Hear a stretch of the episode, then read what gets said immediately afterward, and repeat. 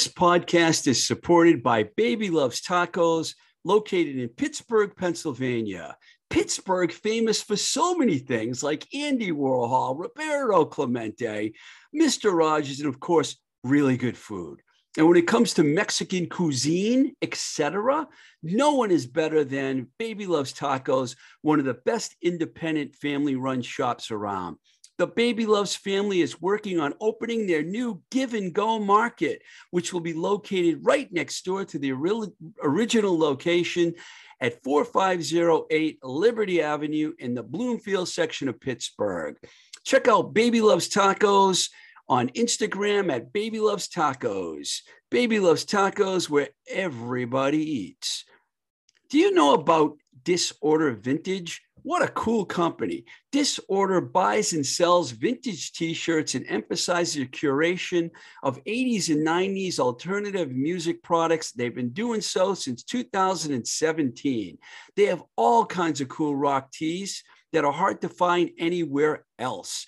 You can reach out to Ryan, the main man at Disorder, at disordertracks at gmail.com or at Instagram at disordervintage or on their website at disordervintage.com. All right. Welcome to Blowing Smoke with Twisted Rico. I'm your host, Steve Ricardo.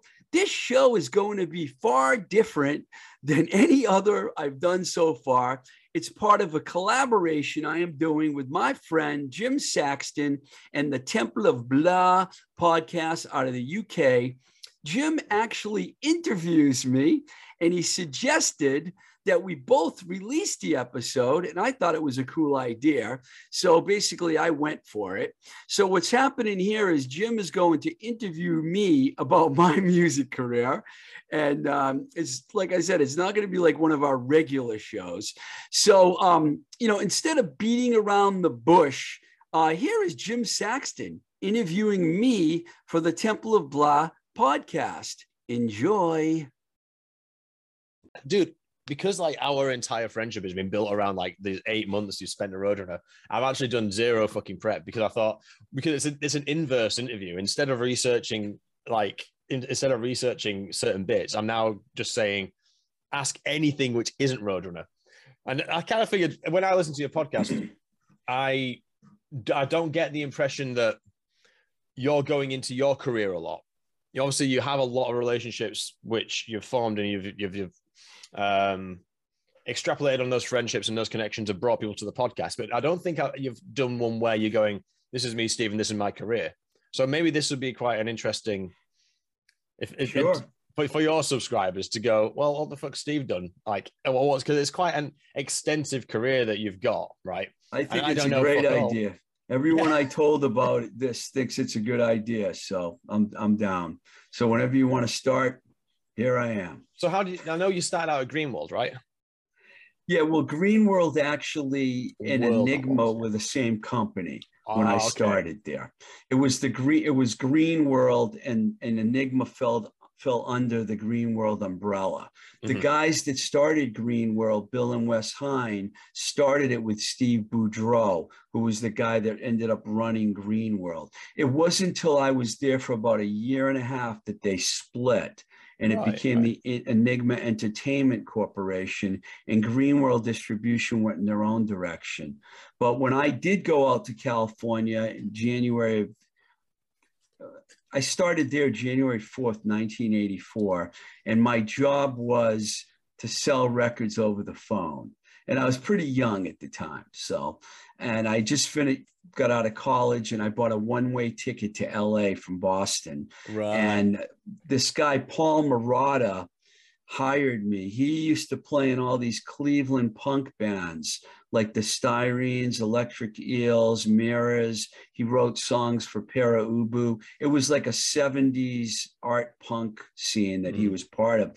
And he hired me, and this is what he said. He goes, I have a bunch of Californians in here. I need some East Coast blood. He'd come out from New York, from Cle- Cleveland to New York to LA. And that's why he said he gave me the job. and they gave me the worst pile of accounts that you could have. But I, I was really good on the phone, man. I was able to like start selling records and I worked my way up fast in the company. So, so that was my first thing I did was sell records over the phone. 84. Yes. Fuck, man. But it's funny how this is the same guy that would also say, you need to go back to the East Coast and work with Cees. it is the same guy. Well, you have a very good memory because he is the same guy that said that. you have an excellent memory. Paul Marotta twice advised, told me the guy welcomed me, and then he said, "Go back." That's very good. I like that. so, how do you, you move from from uh, distribution into presumably A and R in an in an? Well, what happened was Paul. This is funny because Paul moved to the East Coast to open up Green World, New York, and guess who one of the first people that he hired was Holly Lane. So basically, that's how I got. That's how Holly Lane and I ended up knowing each other because of Paul Marotta. So when Paul left, I'd only been there ten months and they moved me to the sales manager job. So I knew I was doing a good job and I picked up all the huge accounts and everything and I ended up like doing really well. But then the guys at, on the on the label side started thinking, why don't we get this guy over here to come and sell to our distributors? Because it was still an independently distributed label in America at the time, Enigma. Yeah. And they had just gotten Stryper. So they saw they saw that I could figured out some ways to sell Stryper, Christian bookstores and things like that, and they stole me from the sales department, and that's when the two companies split. I feel right. like I was right in the middle of the split. and so I'm, my while I'm in the my, background here, and I'm also lo- looking up things as you're saying them, right? So I'm looking at Enigma and looking at everyone that's on Enigma. So if you see things flashing on the screen, that's what I'm doing. That's cool. Yeah. Sorry, carry on. Um, well, the, the job they gave me was you're in charge of all the distributors mm-hmm. selling our records wholesale to Gem, Important, Caroline, Dutch East India, you know, all rough trade, all mm-hmm. of those companies. So that was my job. And they said, You're also in charge of retail because we don't have a retail presence. So you're in charge of all the chains. That's how it started. And mm-hmm. then I said, Well, you know, the real reason I came here is I want to be an A&R guy. I want to sign right. bands. They said, Okay. If you want to sign bands, bring the bands in and we'll consider them. And we had meetings every week and we could they would consider the bands I brought in. So I ended up having a lot on my plate when I went over there, but I was really young, aggressive, and extremely enthusiastic. And I moved, I bought a one way ticket to LA just to be in this position. So that's how that went. So who did you bring into Enigma then? Which bands did you bring in? Well, um, the biggest band that I brought in, it took me a long time to get them signed, was Poison, because I fought long and hard to get Poison signed because no one else wanted to sign Poison. And that right. just doesn't go for us, that goes for every other label. But when I went and saw them, I felt like this band could become big. I just had a feeling because they, uh, the first show I went to was at the Troubadour Mm-hmm. These two girls that worked on the Green World side, Debbie and Jennifer, Debbie Rogers, who ended up working with Iron Maiden for like 15 years or something, wow. they were telling me I should check this band out. So I went to the Troubadour, and I first thing I noticed is the line. Out of the 200 people, there were like 190 girls, and I'm like, okay, this is like the Beatles, man. This this is good. So we get in there, I'm watching, and then. Whew, just it was it was like a lot of excitement. I'm not into the glam metal thing at all at this point in my life. I'm like a punk kid kind of from Boston, you know, yeah, yeah, into yeah. like alternative and punk and that stuff, you know. Like I was more into like you know black flag and the replacements and and bands like that that i was in the neighborhoods and bands like that that i was mm-hmm. into like glam you know? I didn't care about motley crue and Ratt but they were there and i was there. So took a long time but finally i got everyone to agree mostly the Hein brothers and we got the band signed. And because of their success and then this guy, Scott Vander, Vanderbilt, that I worked with, wanted to sign the Smithereens. And I, I went to Boston and they were playing there. And they, the Heins said, go check them out. So when I came back and we got in a meeting, they looked me straight in the eye and they said, do you think that band can sell 10,000 records? Just tell us right now. Because if you say no, we're not signing them. So I looked over and Scott had that like sad kind of look on his face, like, please say yes. And I'm like, yes. They ended up having a fucking gold record, of course. So then we had Stryper, Poison, and Smithereens, and that's when Capitol came along. And right. so when Capitol came along, those guys preferred me to stick with the independent stuff and we started that's when i started restless records under enigma oh, and right. i okay. signed yeah i signed the outlets neighborhoods straw dogs ronnie montrose but ronnie montrose we put through enigma because ronnie was a lot bigger obviously right, than those yeah, yeah. bands and then there were other bands that i signed that were smaller like personal effects dc lacroix you know I'm sure I'm forgetting somebody, but it was mostly, you know, I didn't sign a lot of bands there, but probably like eight bands. I signed more in years after that, but at sure. Enigma, that was the whole deal as far as A&R go. I always, we always had a say in everything, you know, like we would bring labels in and, you know, we, they would ask for my opinion, like Fever Records at the effigies, the Dead Milkmen. What do you think about this? And I'm like, Dead Milkmen, they're kind of weird, but yeah and they had Bitchin' Camaro, which became a number one college radio. So I kind of had a lot to do with everything. That's how Enigma was. When I got there, there were eight of us. When I left, there were like 50, you know? I mean, yeah, we yeah. grew really quickly. Yeah. You didn't have anything to do with GG Allin did you? No. but I know GG, well, I knew GG Allin but no, I did not have anything to do with GG Allin. I think the first time we spoke about, I asked about Thor, didn't I? Yeah, Thor was on Enigma. That was before I got there, though. I didn't really have much to do with. There were other bands that ended up getting signed that I start i got conversations started. That happens at every label though you know? You leave and then someone else signs the band you wanted to sign you know? Yeah yeah exactly. That happened with Gang Green at roadrunner you know? Yeah it's, it's it's a it's a dark art really isn't it? yeah. it interesting. So when okay so so from from this sort of point you obviously get the call to go to roadrunner you, you leave roadrunner because we're not going to dwell on it because we've done it for two years um, it was still it was still like you know the best most miserable eight months of my life. How's that for a quote? Well, okay, i think I'll, we got I'll that didn't you, we? Yeah i'll tell you what happened. So when i knew that i was getting fired i i started talking to two two companies important which had combat and relativity sure. and right, uh, yeah. and giant and and an, an unknown label which was going to go through dutch east india. Barry Kobrin and howie gabriel and alan becker i knew those guys really well. From so they yeah. i had several meetings with them and they kept me just dragging along. But barry tannenbaum over at dutch east india was like you can come in here you can start your own label you'll have your own office everything. And I get sick of waiting for for important. And I just said, you know what, I'm going to take this other job. And then Barry did eventually call me. Goes, well, I wanted you for an A and R job, but I wish I could do his accent, but I can't. I wanted you to do A and R, but we decided that you know you were better at other things.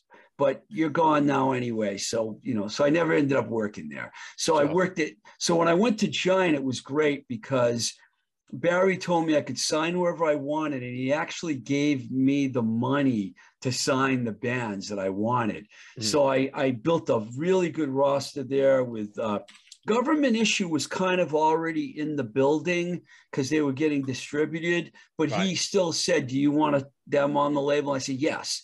So I after that I I got INC which is Indestructible Noise Command. They were a metal band, which Holly Lane actually turned me on to when I was yeah. at Roadrunner. But I guess she tried to get Cees Wessels to do something he wouldn't, but mm. I I did. I signed him, and then Dag Nasty, Verbal Assault, Government Issue, as I mentioned, Uniform Choice, Marginal Man. These were all like punk bands. So I had one metal band and all punk band. Also Steel Vengeance from Michigan. They were a metal band. And we had a weird deal with Pentagram where they weren't really on the label, but we we marketed the Day of Reckoning album for Pentagram. So I got to, to know Bobby Liebling early, mm-hmm. early on before Pentagram became really a big band, you know, because I talked to him on the phone a lot.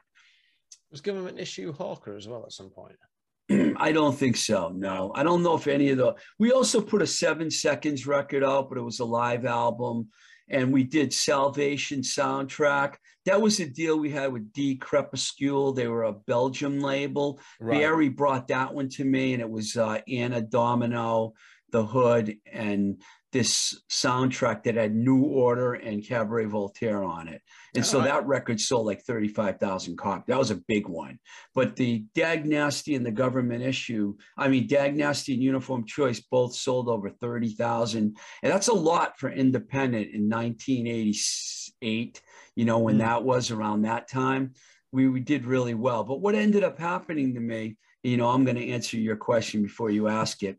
I got sick of living. I was living in New York City for the first year, and then I moved out to Long Island, and I couldn't stand it out there. And right. Brian Slagel, I don't know why, out of the blue, he just wrote me and said, "Hey, what's up, man? How you doing?" And I said, I'm going to be in LA in a couple weeks. You want to get together? And I was flying out to LA and I met with him and I went over to the label and he gave me a tour. And I was really, really impressed with Metal Blade. Right. I was like, wow, this place is really cool, you know. And plus all the guys I that worked there, I knew all about them, like Mike, Mike Faley.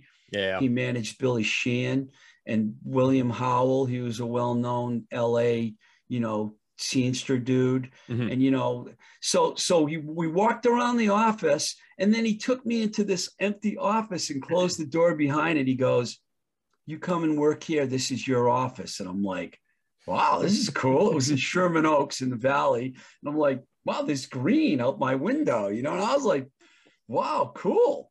And so I went back home and I was like, what am I going to do? I'm running my own label. And now Metal Blade wants to hire me.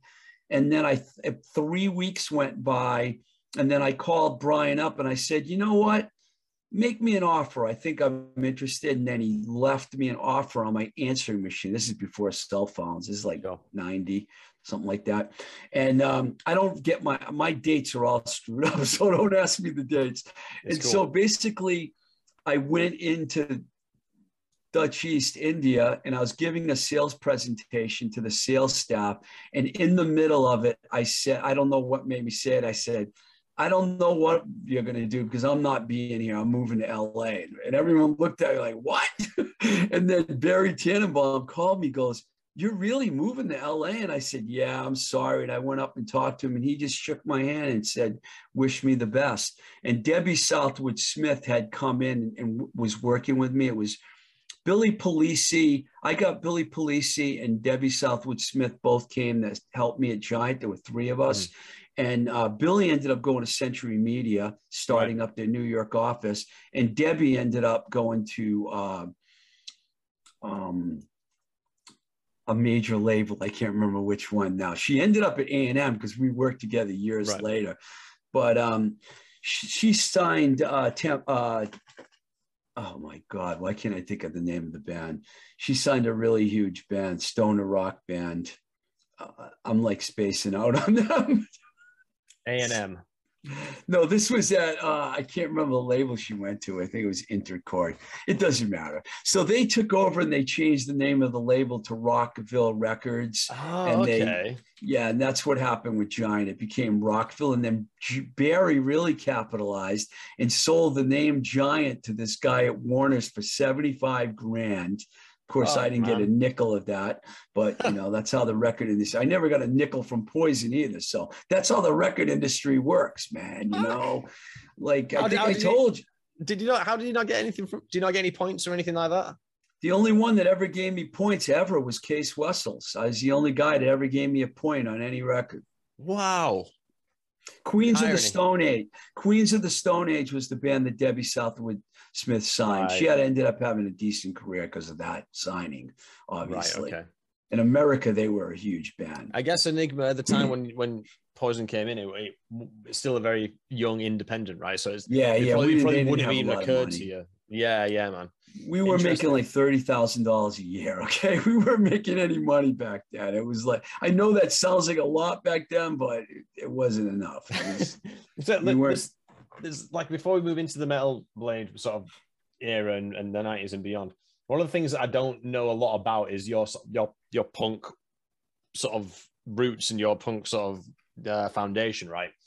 And I asked this to Howie Abrams the first time because I've heard Dag Nasty and Government Issue a number of times, like throughout just listening to any American music podcast. So, can you tell me a bit about Dag Nasty? well, Dag Nasty, the, this the reason why Dag Nasty had such a big buzz going is because Brian Baker from Minor Threat right started Dag Nasty, and when he first started the band, there was a guy named Sean Brown, but he didn't last mm-hmm. very long, and they got Dave Smalley who came yeah. from a band called DYS, which was a big Boston hardcore band. So with the two of them together, people were like already calling it an all-star band. Oh, and, and then okay. they signed with Dischord for two records, and I signed them from Dischord. And they had a different singer, and then Doug Carrion from the Descendents was on bass now. Mm-hmm. And so the two records I put out were a different lineup. But Brian Baker, who's now in Bad Religion, that's why Dag Nasty's so famous. He was minor threat in bad religion, Dag Nasty in the middle. Because I know fuck all about the sort of like micro scenes, like the New York hardcore scene, presumably the Boston hardcore scene. I should have an old York hardcore scene because that's where old York is. Um, but and it's it's kind of it's the one thing I do know about those scenes are they're very difficult to penetrate and understand unless you're part of it.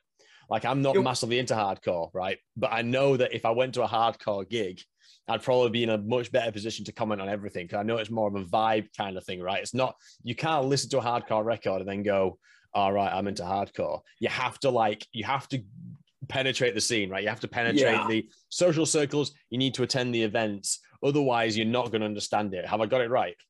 Yeah, you do. And interestingly enough, hardcore really started in DC and uh, in LA. Minor Threat was from DC, Black Flag was from LA. They were the bands that really got going.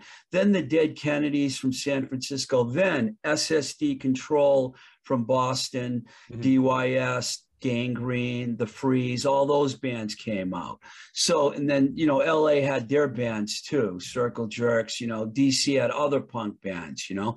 So there was like merging scenes that all had Bad Brains, DC, you know. Yeah, yeah. New York, ironically enough, didn't really, they weren't part of the original hardcore scene. They came along later. you know, Cro-Mags and those bands, Agnostic Front, they were Not came out The SSD and Minor Threat in 1980 were big. Agnostic Front and, and Cro-Mags were 84, 85, 86. So they were the second wave, really, of hardcore. This is the oral history of hardcore with Steve Ricardo, isn't it? This is what I've Well, you know, I, to, to, to, to, to give you an idea how I got into it, I was in college radio before mm. I left. And on college radio, you could play anything. And I we played a lot of hardcore and punk along with the Echo and the Bunny Bunnymen and U2 and right. you know REM. But we also played the hardcore Crass, you know, from England, you know, mm-hmm. UK subs, uh, yep. all the English bands too, you know. I mean, we we were you could play anything on college radio and i always liked the more aggressive stuff. I wasn't yeah. really a metalhead. I've never really been a full-on metalhead although black sabbath and iron maiden and judas priest are some of my favorite bands of all time. Deep purple even you know their metal. And then as far as thrash goes i like a lot of those bands too but i mostly have been more of a hardcore punk indie rock guy than a metal guy but i do love metal it's yeah, just uh, yeah. that I don't, I that I don't, I'm not like a metal head, you know. I think this is the difference, and this is what I kind of, this is what I like to analyze because academically, I, I, I kind of, I hmm. observe hardcore and I understand hardcore. I understand the names, which is why I'm bringing it all up. But I don't live it, and I don't, therefore, I don't know it, right? Whereas on the metal side, I'm there front row headbanging. I understand the aesthetics of like metal thrashing mad. I understand like I mean, I was actually saying to Monty recently about there was like a new wave of thrash that sort of came about maybe about 15 years ago. And um, I was sort of commenting that Municipal Waste with this band that sort of captured oh, yeah, yeah. what my generation thought thrash was back then. We have this sort of like, how do I describe it, man? It's like the airheads effect, right? We have this sort of nostalgia for this time that we weren't around for. And I think Municipal Waste really captured that aesthetic really well, even though it probably wasn't like that at all but we have the idea in our head. And the point I was trying to get at was because I'm a metal guy, I feel very locked into what that nostalgia was and what metal actually is in terms of going to the gigs and into the scenes and things like that. With hardcore, I'm always going to be an outsider until I fucking like get my my face smashed in a, a Madball show or something like that. I feel like there's like there's different there's different trials into those. See, here, here's the thing, you know, you got the new uh, wave of British heavy metal, and they influenced so many bands in America.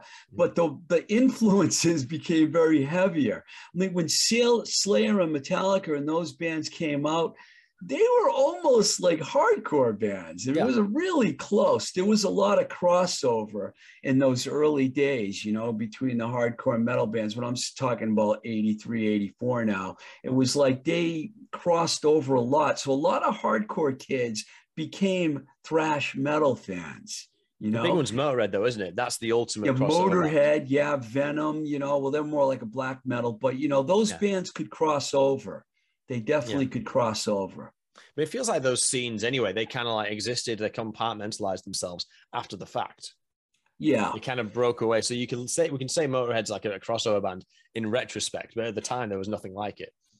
Exactly. You know? Yeah. Oh, like, yeah. They're oh a totally original band. Don't don't misunderstand what I'm saying. I'm just oh, saying no. that a lot of the kids could go to both types of shows and you could get away with it, you know. There was, of course, the hardcore metal kids and the hardcore skinhead punks that wouldn't go to metal shows, you know. Yeah. But you know, I mean, I saw what was happening with Show No Mercy and Kill 'Em All. I mean, it was pretty obvious to me. Okay, this is close enough where the hardcore kids are going to like this, and they did. They did. So, yeah.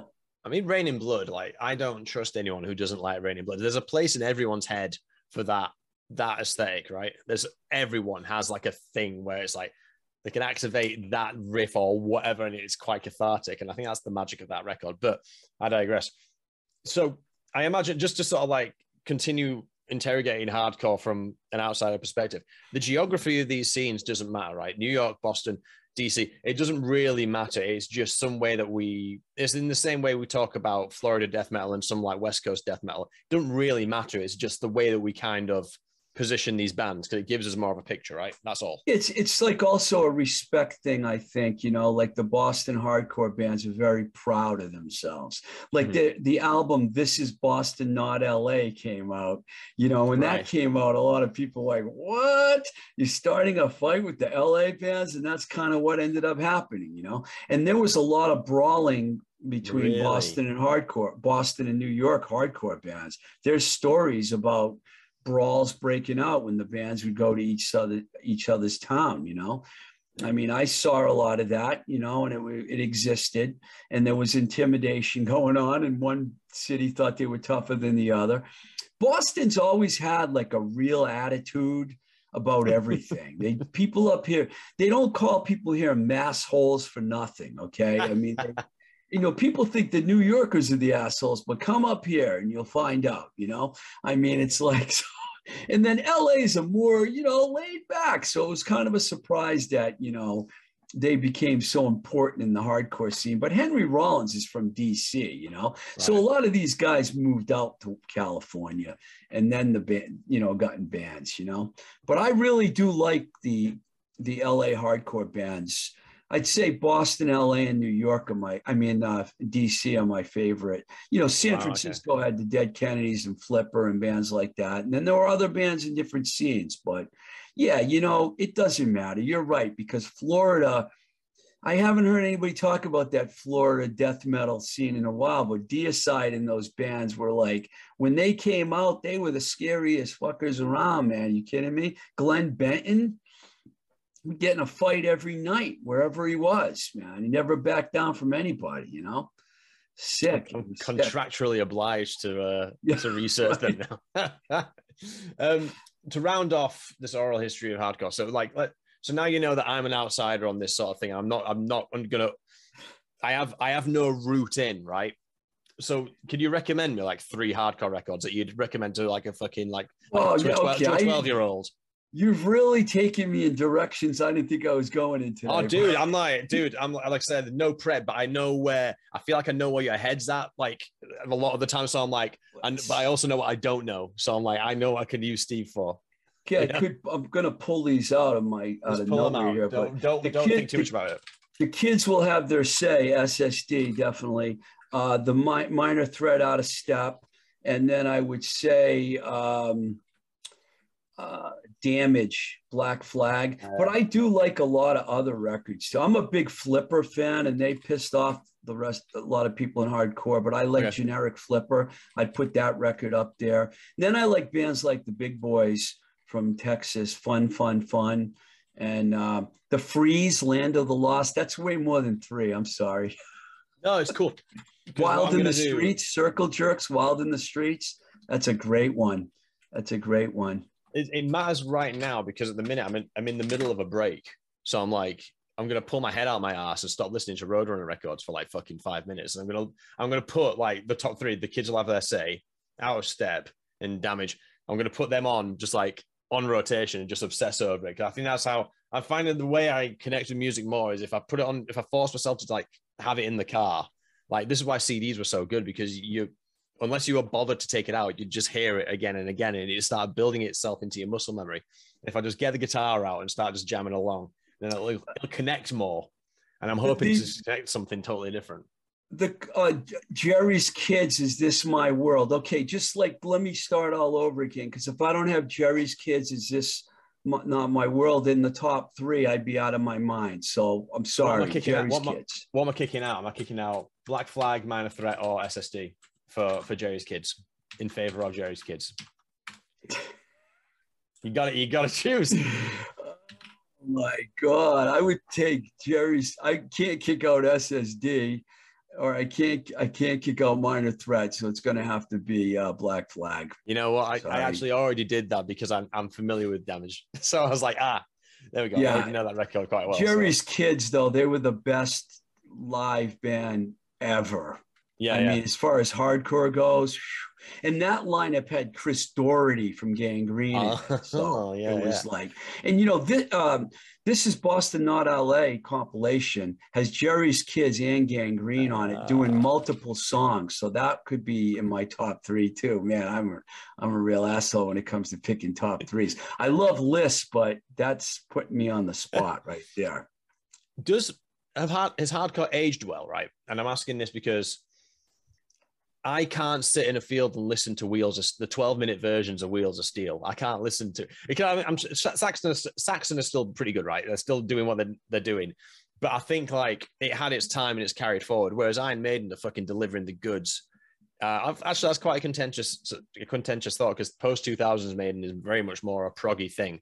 But there's like, for example, Slayer before the packed it in were just like relentlessly delivering the same kind of thing, right? In a really good way. And I think metal can age well under the right circumstances. So are you seeing like 60 year old hardcore bands delivering the goods or are they all well if they're the old band at the older bands if they go on tour i have tickets to go see the circle jerks when they come right. to town but you know i think as far as the hardcore scene goes the second wave was for me the end of it you know after agnostic really? front and cro-mags and those bands i don't really anything that happened like after that was okay, but it's not going to be 80 to 84 ever again. Oh, sure. But I mean, do those bands still deliver though? When you see Agnostic Front these days, are they still like, this is still a spectacle and an experience? Or is it, is it kind of like, oh, they've lost it?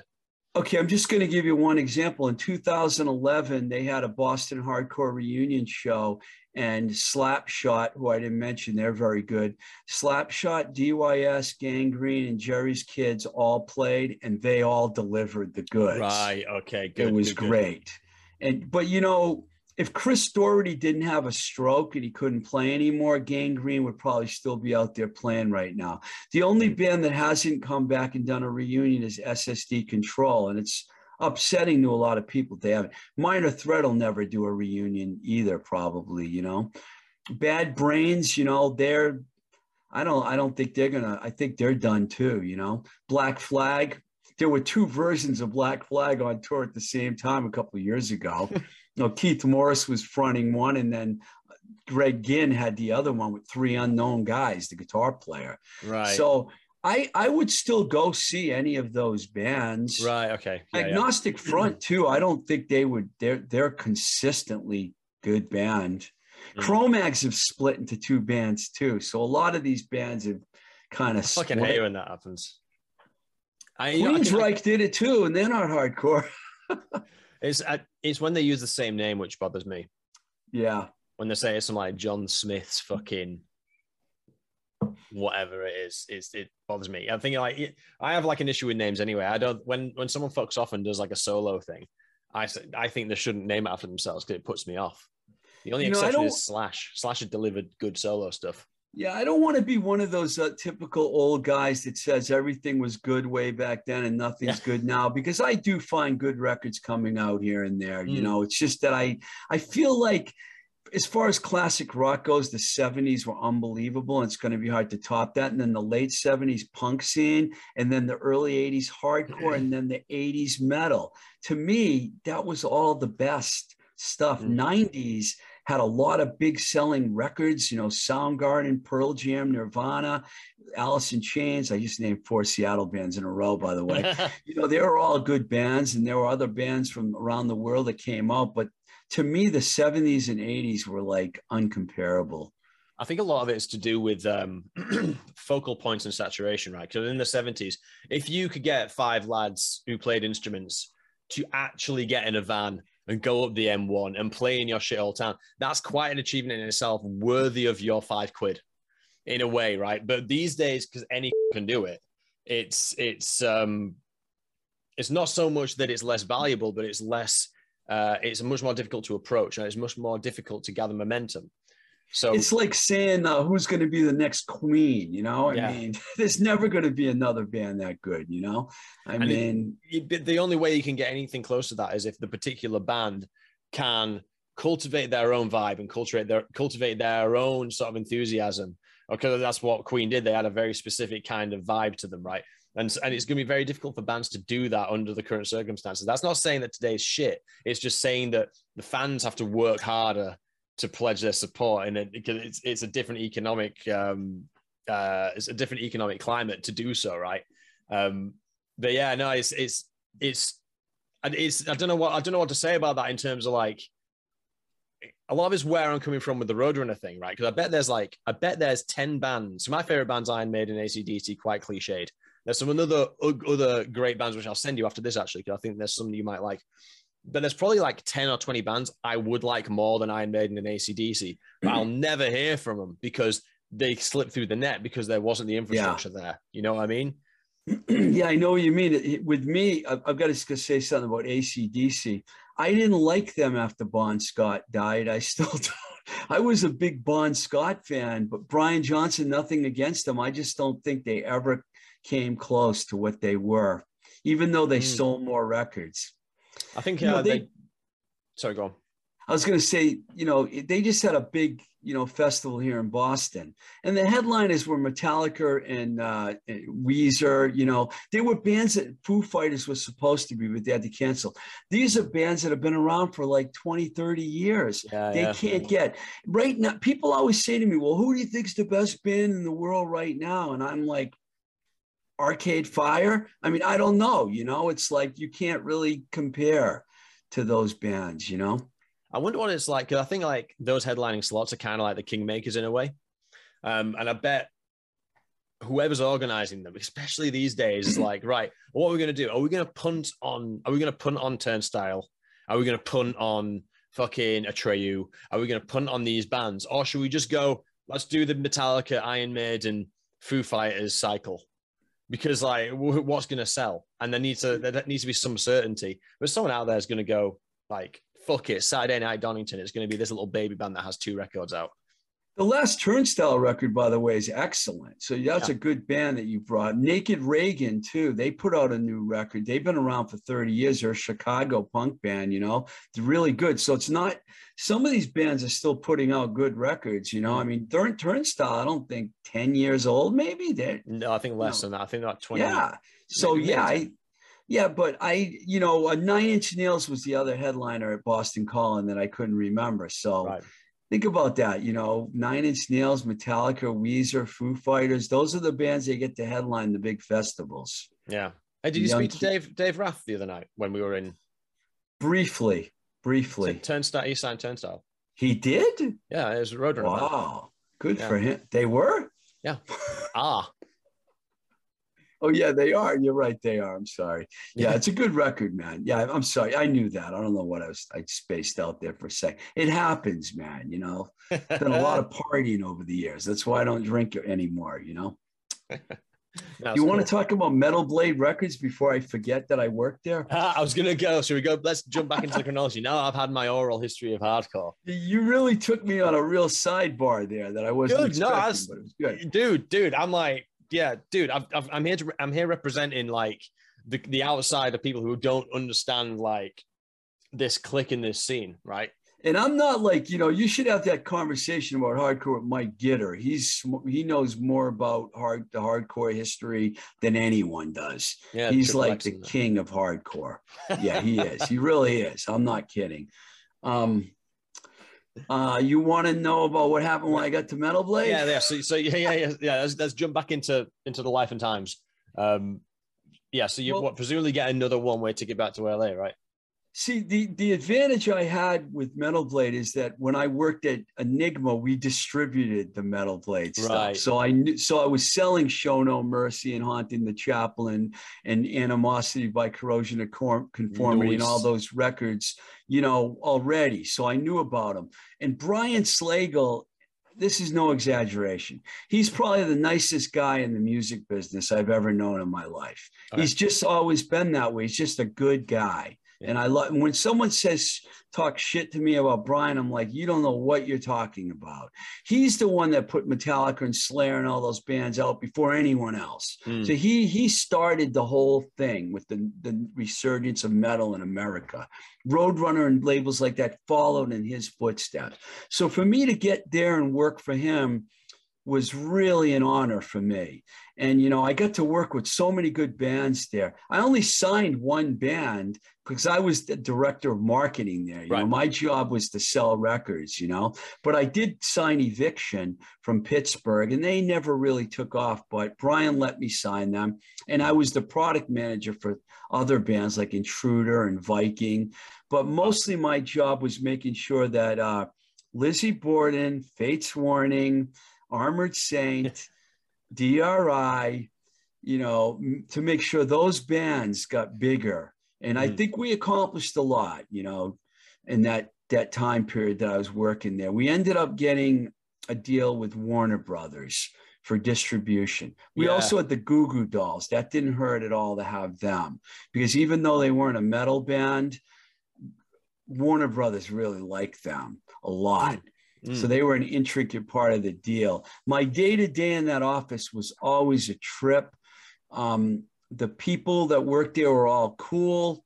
I mean, a lot of them went on to have really, really good careers. Cheryl Valentine was a radio person there. She worked for labels for years. Brian Lima, he went to Epic. They were in our New York office, you know, and all of us, a lot of us ended up at major labels, you know, that worked there. It was a really good place to work. And Brian, like I said, and Mike Faley too was the president of the label and he ran the day-to-day operations but anytime i ever wanted to go on a trip or go anywhere brian said go do what you have to do like i would visit branch offices because we had SEMA for a little while first before Warner Brothers uh, Capitol Distribution. Some of our records went through there, and then we got Warner was the big deal, but that didn't last either. Metal Blade has always had to like kind of carve their own way, and yeah. that's why they when everyone was falling down and falling apart, Metal Blade never left.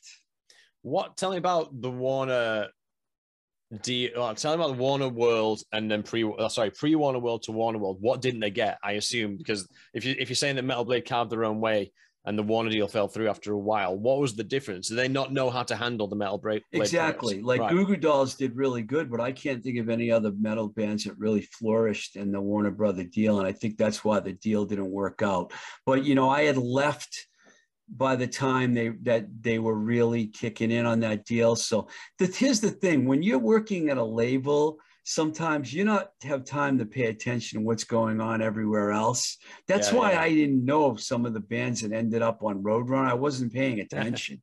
I really wasn't. I was worried about what I was doing. Sure. I didn't know what they were doing. And the same thing with, you know, other labels after I left. I don't know what happened, you know, and all I know is that Metal Blade made it through some really difficult times because around 2008 and on, it became really difficult to keep a record label going. You had to have really good bands that sold to the mainstream, otherwise you would not survive.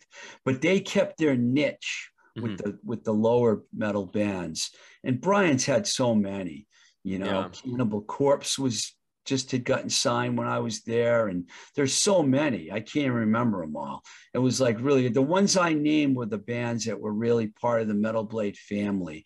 Like all the guys in Armored Saint, they're like best friends with Brian Slagel. You know, they've always have been. You know, even yeah. when Bush went to, to Anthrax, he's still. I remember hanging out with Bush when he was in Anthrax. And one time Brian came and the three of us went to see a hockey game in Boston once. We all went to Boston to walk, and none of us were in the same place. You know, mm. that's what I liked about Brian. You know, he always maintained like Betsy Bitch, you know, the band Bitch. Yep her and she's like the queen of metal blade. She's been friends with brian since day one since brian was in his garage you know?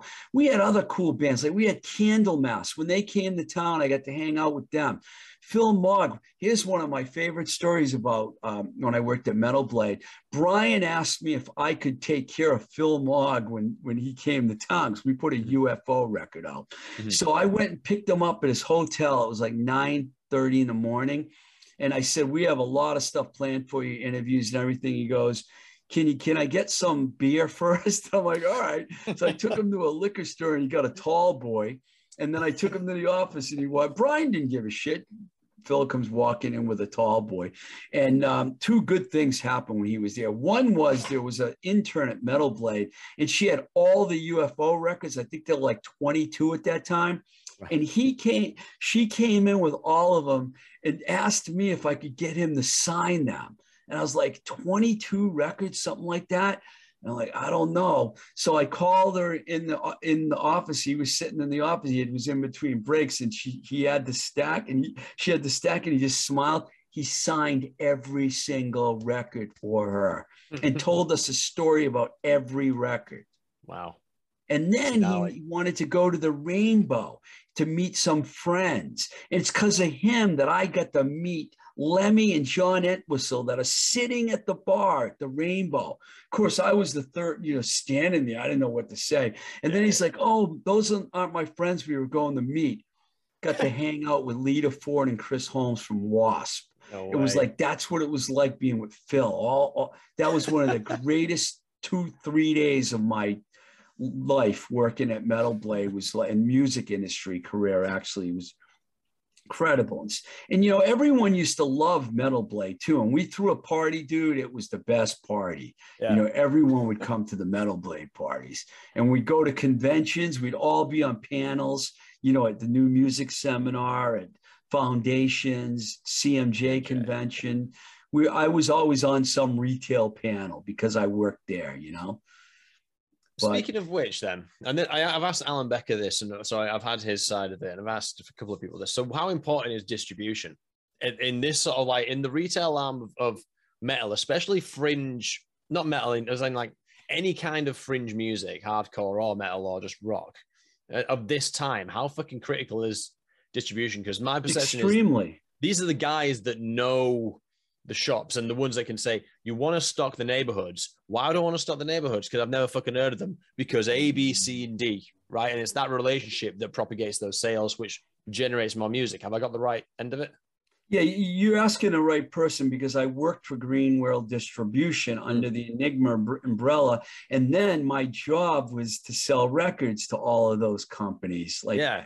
Alan Becker was the buyer at Important. He was the one I was selling records to when I was at uh, Enigma, Metal Blade, Roadrunner, you name it. All of those companies, all Important was number one, them and Gem Distribution, which were based in New York also.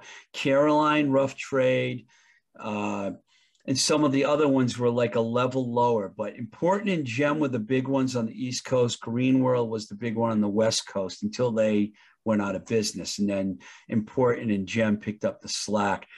Um, new bands were extremely difficult.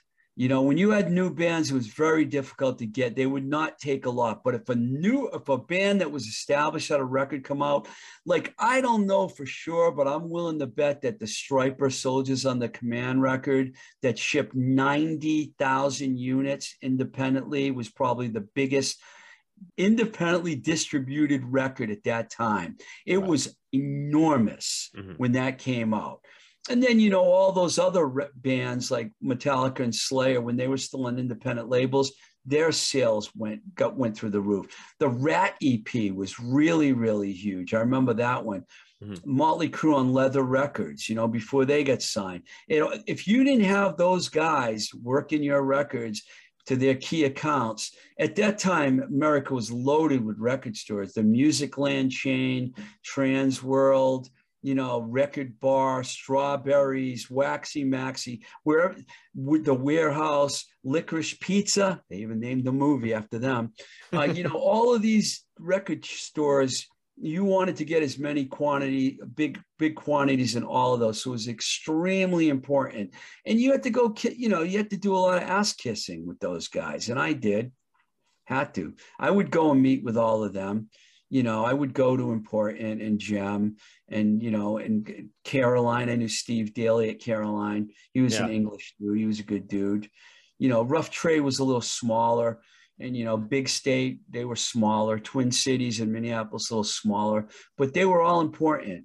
We would, mm-hmm. when a record came, we would start probably about a month before the record came out, I'd start telling them, give them the catalog number, and then they'd call their connections. Right, Whoever okay. handled Musicland would call Musicland. Whoever handled Strawberries would call Strawberries.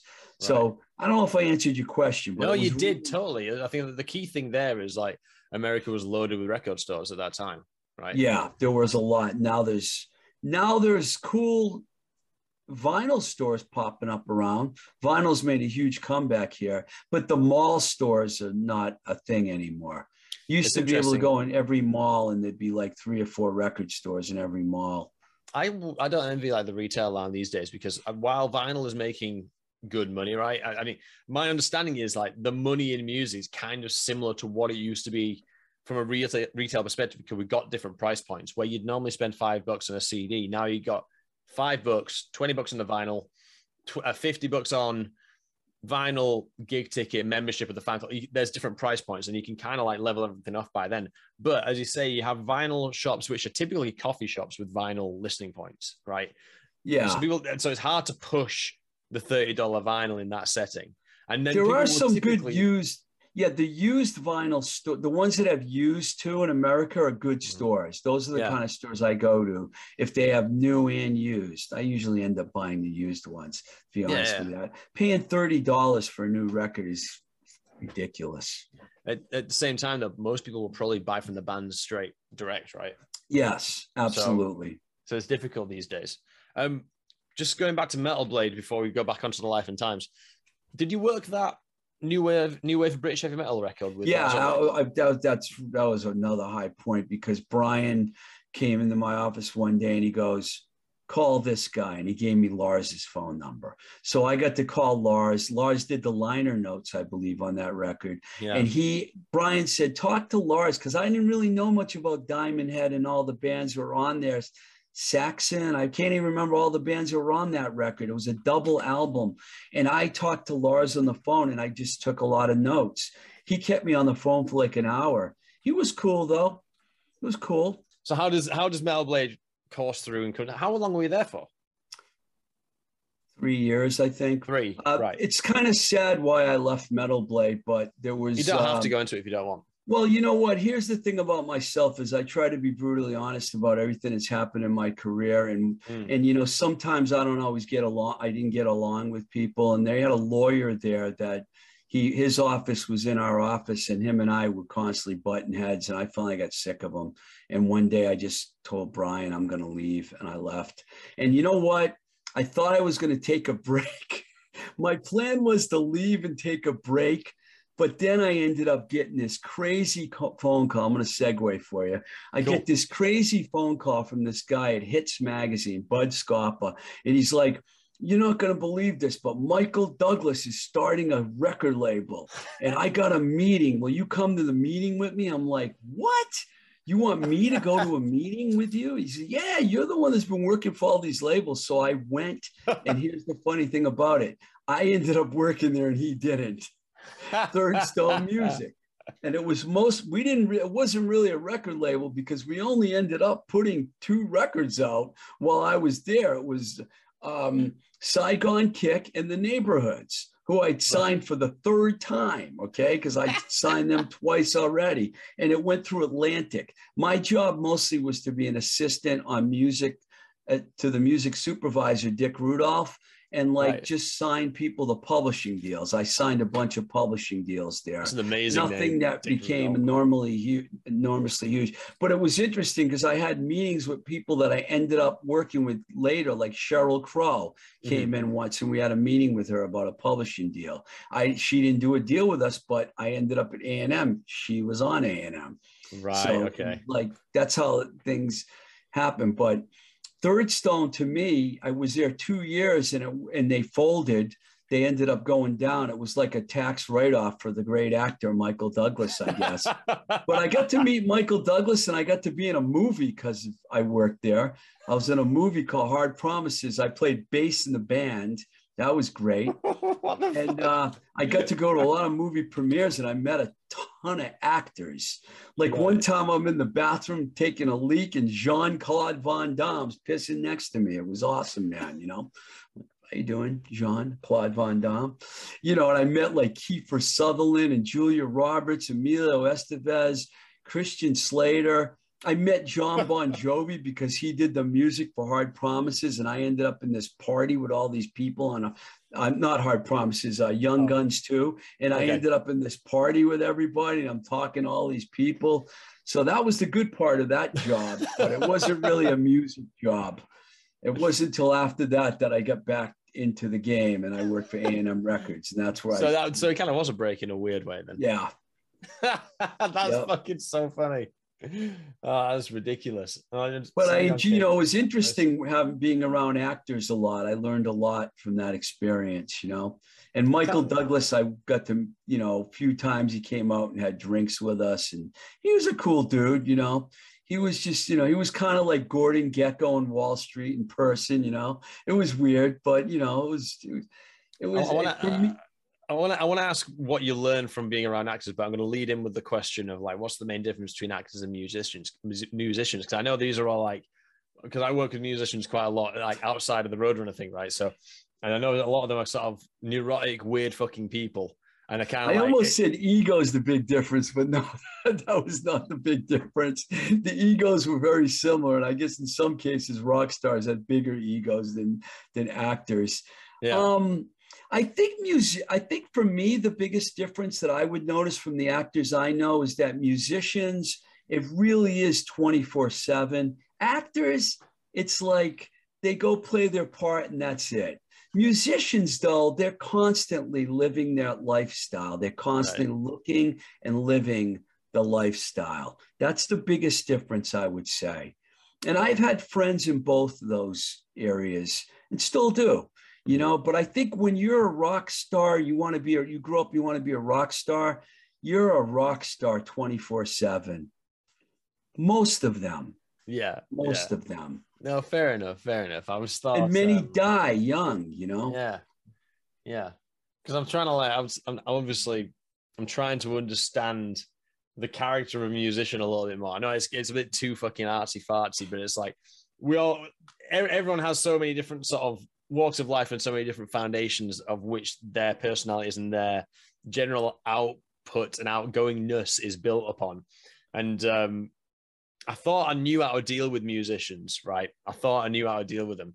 And then when, I've, when you, you sit down in front of them and have like a different kind of relationship, because normally I'm doing sound for them, it's a lot different. It's a different kind of intense than when you sat in front of them and trying to extract information from them.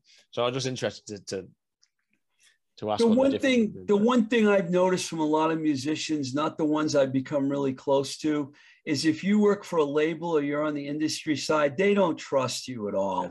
they really don't they have no trust for you whatsoever you yeah. know even you know i've had I've had people even say to me, "Man, I used to think that you were a total A&R weasel, you know, when I first met you, but then I realized you're you're more than that, you know. They don't they don't they don't like you. I've heard people badmouth every. It's always the label's fault when the record doesn't break. It's never mm. the band's fault. God forbid they did something wrong, you know. I mean, and I'm sorry to all the musicians out there that are listening because I have a lot of most of my closest friends are musicians, but they most of them will not take the blame for where they went wrong. You know. one of the difficult things about the documentary is that people think I'm working with Roadrunner. It's like, no, dude, I'm fucking nobody. You know, so there's like an inbuilt distrust for me for some people. But I'm going to ask you a question about that documentary, but as soon as we finish up with this stuff, I I do have a question for you. Yeah. At the yeah. we'll wait till the end. We'll do that. that. So no, I don't cool. really. There's not much else I can tell you about uh, Third Stone other than I met some really cool people. Mick Taylor I had an yeah. interview with once. He came into my office, not an interview, wow. but he came in and played me his music from the Stones. Earl Slick, who played with David Bowie for years. Yeah, yeah, you know, I mentioned Jon Bon Jovi. It would there Paula Abdul. I met with her once. You know, it was like you. I got to meet really cool people at Third was that Stone. Before or after the plane crash? Uh, who's plane crash? Paula Abdul. There's a massive conspiracy theory about Paula Abdul. I don't know anything about the plane crash. Oh, dude, I'll, I'll send you this video. It, it's so it's so much fun. It's basically a conspiracy theory about this plane crash she was in. So about '95, she was in. Um, she was in a. Pl- I'll tell you, it's actually. This would like... be before that. I met. This would be before that. This would be 91, 90, 91 ish. Oh, like I okay, said, my years my years are a little off here on some of this stuff. but you know, Third Stone, you know, I my time just ran out there. I got bored really quickly. I didn't work with a lot of labels for a long, long time. A and M was the one I was with the longest. Sure. But I would get bored and I would move on, or someone would come along and steal me from a label, like what happened with Roadrunner and Enigma. Mm. And Metal Blade and Giant, you know, it was just, you know, but um, you know, after I left, I didn't I didn't have a very long break after I left. Uh, I never had any breaks, dude. until until I left A and M, and then I finally, when I started my own management company, I didn't have a break either. But from labels, I did. But uh, Brian Huttenhower, when I was at Metal Blade, something I didn't mention to you that was very interesting is all these major labels would come to us and ask us to help them develop their artists. Like really? I remember, I worked on Mother Love Bone. Wow. I worked on no uh, Jane's Addiction. Yeah. I worked on Circus of Power, Little Caesar, Michael Monroe, because Geffen released the the Hanoi cat, uh, catalog, mm-hmm. and they hired us to do that. And then uh, Polygram had Michael Monroe's solo record, and they hired us to do that. Well, when A&M came to us and we worked on Soundgarden before Louder Than Love came out, I met Brian Huttenhower, who signed Soundgarden. So right. after I was with Third Stone, one night I was at the Coconut Teaser, where all A&R guys would go every Thursday night and they would like check out new talent. They had ASCAP's Best Kept Secrets, it was called. And I saw Brian there, and Brian's like, "Hey, what's up, man? What what are you doing?" And I told him what I was doing with Third Stone, but I knew I wasn't going to be there. He goes, "Well, keep in touch." So I saw him again, and he's like. Would you ever be? And this was after I just left Third Stone. He goes, "Would you be interested in interested in being an A and R consultant?" And I'm like, I'm not sure what that is, but okay. So I went down and met with him at A&M, and then I had to meet with David Anderle. He was like a legend. He used to be A&R guy for the Beach Boys and the Doors, mm-hmm. and they hired me as an A&R consultant. Wow. And all I did was listen to all the tapes that Brian didn't want to listen to, hundreds and hundreds. and I would have access to A&M studios, and I could go in there with bands. Like I brought Joey Vera in there to record his solo stuff. He ended up A&M passed, but he released it on his own. I mm-hmm. brought Down by Law in there. A&M passed, they released their recordings. They had wow. the rights to the recordings. So that was really fun. And after I was doing that for about a year, Brian came up with this idea. He's like, you know, we don't really have a metal alternative department at A&M. Would you be interested if I set up a meeting with the marketing department doing that? And I was like, sure. Because he had Damn the Machine, which was Chris Poland's band, yep. and Paw and Monster Magnet and Therapy and all these bands at A&M kind of like, we, uh, what are we going to do with these yeah, bands? Yeah, yeah. We don't know what to do. So they got me and they made me that guy. Mm. And that's how I ended up moving away from A&R into marketing. Wow. And they gave me this director of alternative marketing title. And that's when that's my awesome. life really got interesting because my first thing they had me do was go on the road with Damn the Machine. Right. It was really cool because Chris Poland, even though he got kicked out of Megadeth because, you know, they had a drug problem going on, him and Mustaine, and they wanted to split them up he still had this reputation where everyone knew that Peace Sells, who's buying, you know, those first killing, whatever the first record, those killing two business. Megadeth records were like, people love those records. Yeah. So I got to go on the road with Chris Paul, and Every night people would come after him with their Megadeth records looking for a signature. But it was a really fun band to be on the road with. And then I went on the road with Paw, Monster Magnet, then other bands that weren't even heavy, they started sending me out with more mainstream bands. I had to cover Bryan Adams shows, Sting shows, Soundgarden, Sheryl Crow, mm-hmm. Patty Griffin, Amy Grant, you name it. It was like I was all over the place. And yeah, I did yeah. that for like six, seven years. I was wow. like just running around like a maniac, you know, and that was I didn't. It was funny though. I got to tell you, man. The whole time I was A and M, I never felt like I fit in. Really? I always felt like an oddball working there. You know, it was like really hard for me because I had that independent record mindset, you know. but you know, I had a nice expense account which I used a lot. like I remember one time Dishwalla, you know the band Dishwalla, they had a they had a big hit in America. They had a gold record. I went out to I took them out to dinner after show one night and I was talking to some guy from a retail chain outside. I said, You guys go in the restaurant, I'll catch up with you. And I get in there and there's a bunch of bottles of wine on the table. It's an Italian restaurant. I didn't think nothing of it. So we ordered dinner, we ate and everything. And the waitress handed me the bill and I looked and it was 1400 bucks. I'm like, fuck. what the fuck is this? And the wine were like $150 bottles of wine. so I had to call my boss the next day, Richie Gallo. And I'm like, Richie, I have a hundred, I had a fourteen hundred dollar bill last night. I had to give like a three hundred dollar tip because I couldn't be an asshole and not give a tip. He's like, "Man, don't worry about it. Happens to all of us." It was like no deal. And I realized, so this is how you know the whole major label thing works. The recoupment. Don't worry, Dishwalla, Dishwalla's paying for that, not you. And I'm like, so you know there were a lot of things about major labels that were like really shady dude. It was shady. And then yeah. i get to hear all the stories about what went on in the old days at a&m forget it man. The payo the hookers the whole nine yards man. It's all true. It's all true. It all happens you know? fuck man. So when when you leave a&m then this is you must we must be in the, the new millennium at this point it was close. It was close, and I was ready to leave. And I, because I had a band I was managing already, and I was working for A and M, nothing came of them. Two of the members ended up on majors, but nothing came of it.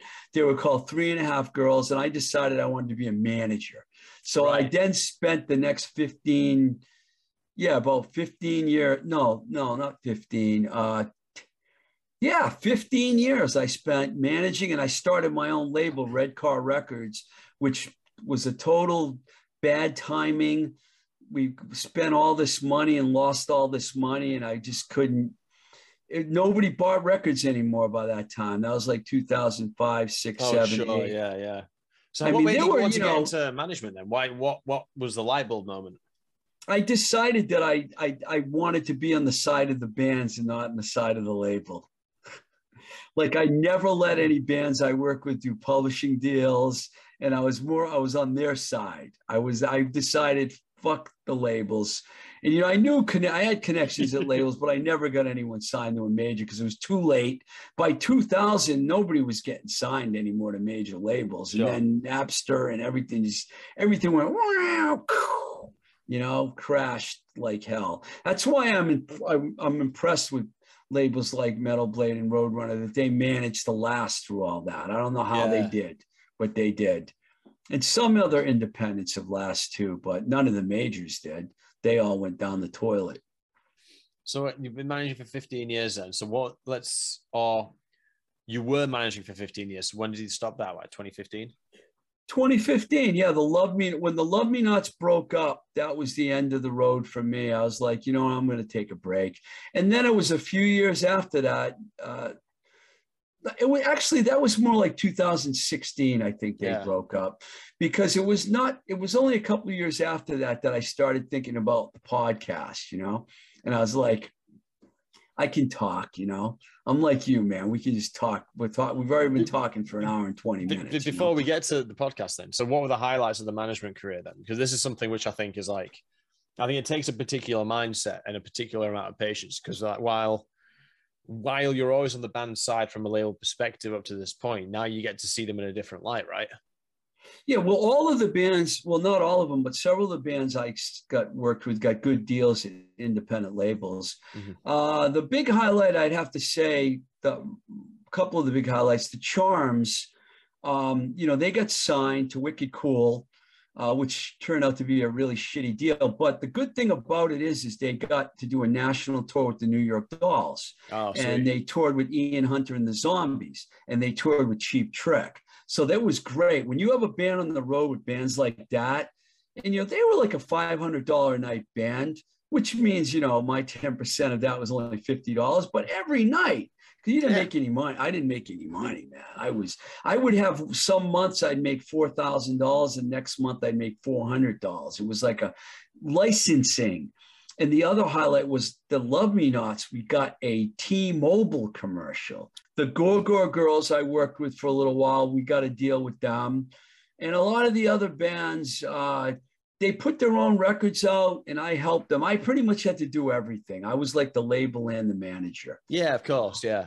And it's a lot of. I, can, I imagine it's a lot of work. I'm not. I don't manage a label, nor do I manage a band. But I've got this fucking project, which is like I imagine a lot of the lanes that I'm trying to travel down are very similar because a lot of them are like licensing, uh, managing resources and people, and trying to get the right output that has the right captures the right fucking mood and all this stuff. It must be like 15 I years is a long fucking haul for that. Yeah, I don't mind admitting it, but you know, I put myself in an enormous um, financial hole and basically went broke mm. because you know I, I kept thinking next month is going to be better. Next month, no, next month, no, one more month, another month.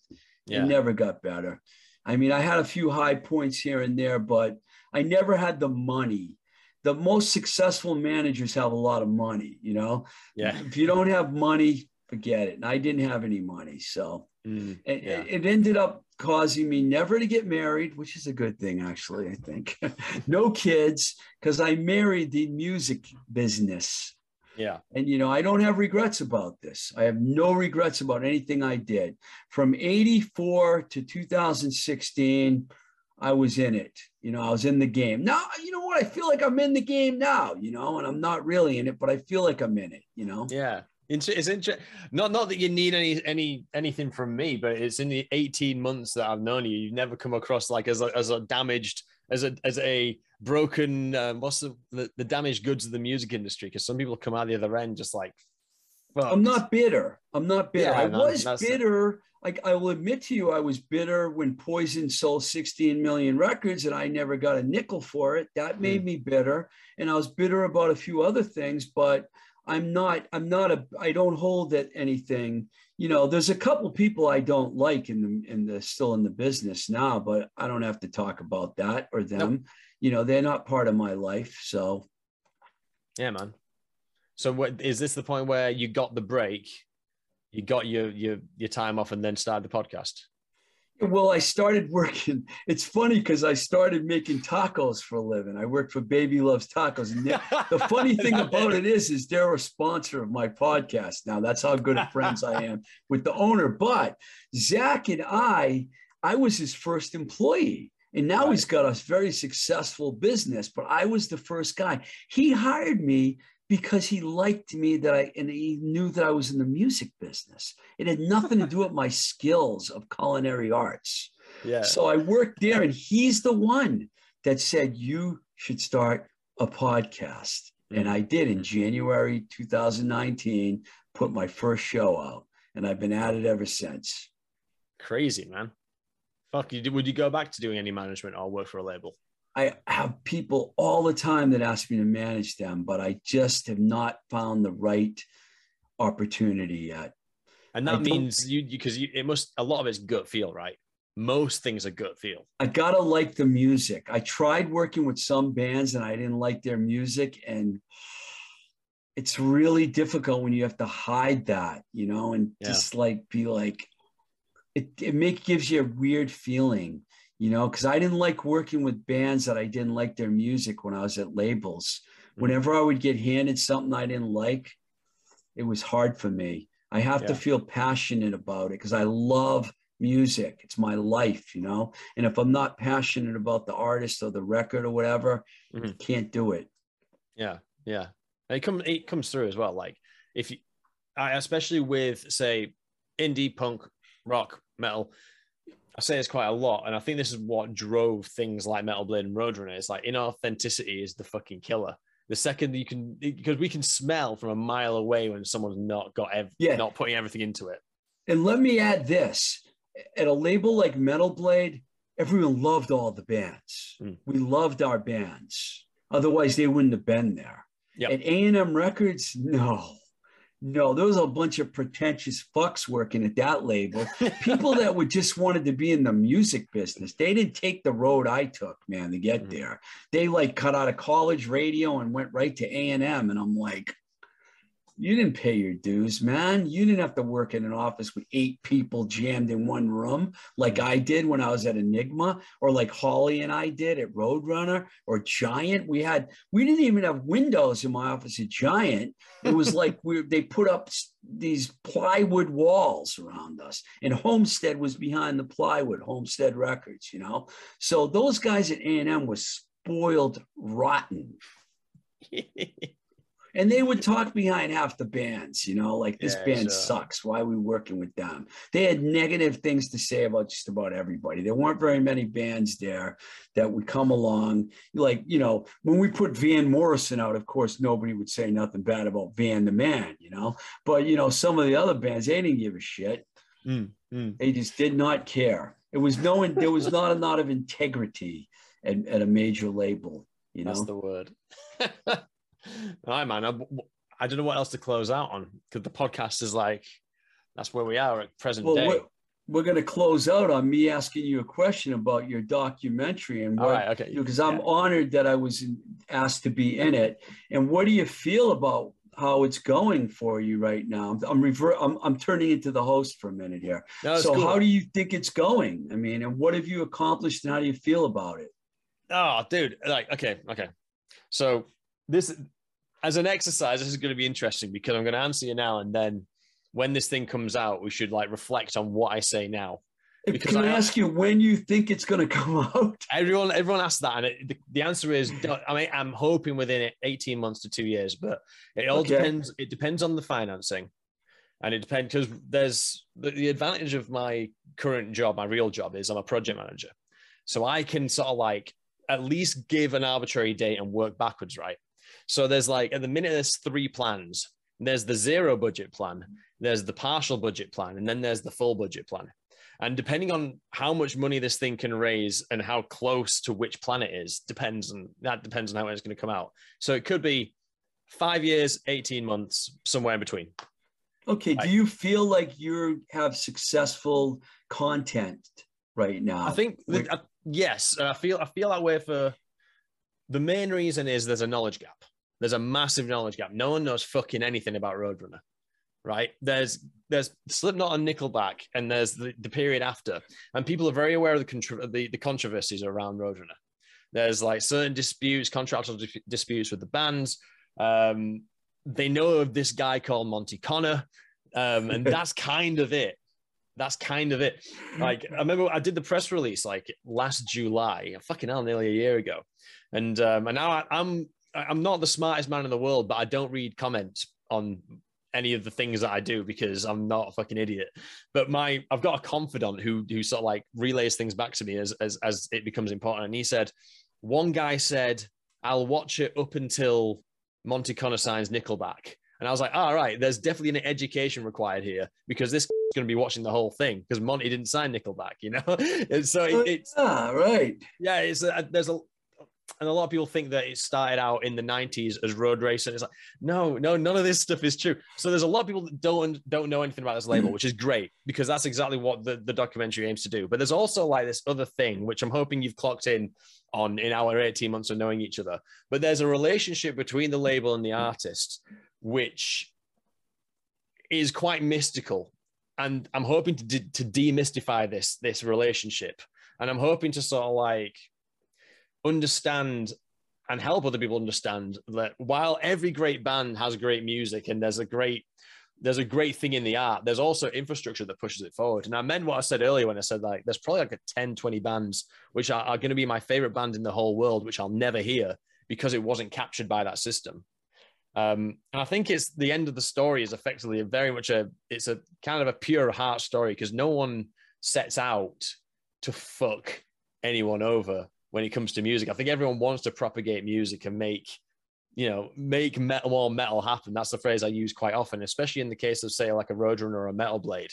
And I think it's hopefully the end point will be really amplifying that message, right? And hopefully put it in a modern context where it's saying, you know, we're facing a, a massive saturation of music, but with the right ingredients, we can maybe give metal a real seat at the table. And you know, hard rock and, and punk and all the other things, because there's an outlier genre right? And we all enjoy our outlier genres. But in the current climate, there's just absolutely no fucking way it's going to penetrate into anything totally meaningful without some help. And what better way to understand how to do that as a culture than fi- figure out how the best did it? That's ask you one idea. other question. One Go other question. What do you what is your goal as far as the length goes? And is it going to be more than one part? At the minute, it's going to be three feature lengths. Three feature lengths three of feature how lengths. long about? About 90 minutes each. Wow. And they're going to be uh, like DVD or they're they going to go straight to like uh if no one Netflix? funds this thing, right? If if no one funds this thing, it's going to go on YouTube and it's going to go on YouTube with the the, the best quality I can possibly muster, which at the minute is yeah. Like do, please don't please don't be one of those directors that gets mad and throws it in a vault, and we have to wait no. twenty years like the Rolling Stones Rock and Roll Circus. We have to eh. wait like all those years before. Don't do that, please. no, I own I own everything, so there's no there's no like third or fourth or fifth pie who's going to get embroiled in the legalese. I own the thing, so whatever happens, it will be finished and what you know, and I've been at it for nearly two years now. So there's, and if I was going to get bored, I'd be bored by now, and it's not boring yet, right? Well, let me publicly, in front of the whole world that's listening right now, thank you for involving me in the project. It's just bewil- it was bewildering to me at first when I was being asked to talk about a label that I only worked for for eight months and I got fired from. But if you think about it, and I know you have, it was an eventful eight months for that label. So, I mean, I'm glad I was there and I'm glad I experienced the grief and, and, and, you know, the grief. I'm glad I experienced the grief mm. of Roadrunner Records. it was, it's so, it's so crazy, man. Cause like when, when we started this, I say we, because you were like episode five, the whole thing was meant to be like, it's just going to be some fucking Zoom calls and a fucking PowerPoint presentation, and I'm going to put it on YouTube, and that's kind of it. But now it's just got it's got picked up legs, and we had no right to bump into each other in in in Brooklyn the way that we did. It was it was really cool because obviously I had you down for the for the interview, but when I was just walking down the street and I heard someone shout my name, I was like, I never thought I'd meet Steve Ricardo outside of a Mexican fucking burrito shop. of course, I was at a Mexican place eating tacos. What do you expect, man? no, it was cool though. I mean, how did how did you feel meeting all those guys again? For context, we all went out for dinner at. Um, it was really Manhattan. interesting. It was interesting because being in the in the same room with some of those guys, with I didn't, I only knew like three of them, I think, and um, it's I'm going to go back to Nickelback for a second because I know what it's like to sign a band and all of a sudden everyone thinks you're like an idiot for signing them because I went mm. through that with Poison, you know. I mean, people didn't really not everyone likes Poison and maybe they they dislike Nickelback more. So that guy seemed like a really interesting guy and they all did. I mean, I I enjoyed it and I just felt like it was weird. I had a weird feeling like, wow, I am really an outcast with this crew. But then again, you know what? I've always felt that way being in the mm. music business. I've always felt like an outcast. I always feel like I never really fit in anywhere. You yeah. know, so it wasn't that bad at all. Hey man, and I don't drink anymore, so I couldn't pound down all the alcohol like you guys were. But you know, you know what's kind of sad about it because like it was kind of like a watershed moment. Because again like this wasn't meant to happen. I'm fucking i'm i'm fucking nobody yet. I had we were at the table with all those dudes. And um, i was so tired as you found out the next morning. I was so tired so jet lagged and i was so busy and so stressed and all these things. I there's a lot of that meal i can't remember and it comes back as like an acid flashback. But, I, but my position on that whole thing was like I was very much a fly on the wall watching all these A and R guys like talk shop, and it was really it was really fascinating.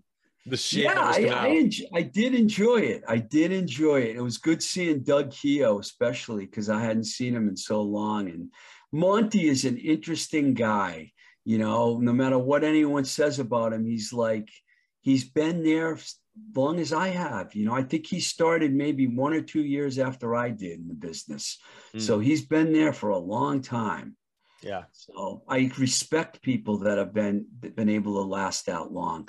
Like I don't know how those guys are still working for labels. I give them credit. Him and Gitter, I'm like, I say the same thing to Gitter. I'm like, how the hell can you still be doing this? He just loves music, man. You know, he can't stop doing it. Yeah. Can't stop doing it. It's crazy. And it's important for me to get the knowledge from these guys as to how they did it and yourself obviously before like as this next generation ushers in and tries to make the next big outcast band something big it's important to get information. But yeah hopefully hopefully i'm hopefully it doesn't all get taken away from me and hopefully i don't get sued into oblivion and i'm still doing it in a few years and hopefully i'm still as enthusiastic about it. Um but please yeah, don't get sued. I don't plan don't on getting sued. sued. I do not plan on getting sued. You never know. Tomorrow could be the day well, I'm with you, man, right till the bitter end. Thanks, man.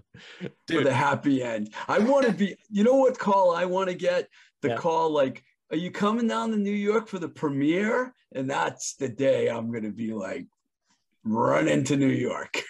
Dude, I, I honestly, it was so good. I'm glad we got to do this because it was important that I tried to at least highlight the rest of your career. But I really wanted it to be like the morning after um, with the the um, dictaphone just on a coffee table, so we'd have like all like the Brooklyn background noise. But it was because of you, man. That it wasn't because you weren't in good shape that day. It but... wasn't. It wasn't. It wasn't that. because I had a camera die on me the day before, as you know, because you've got you got the six K treatment.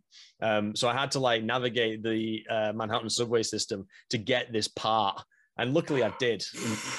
um, luckily I managed to get it, and the, the rest of the interviews were like the two camera jobbies. Did I send you some footage, by the way? I think I sent you I something, didn't I?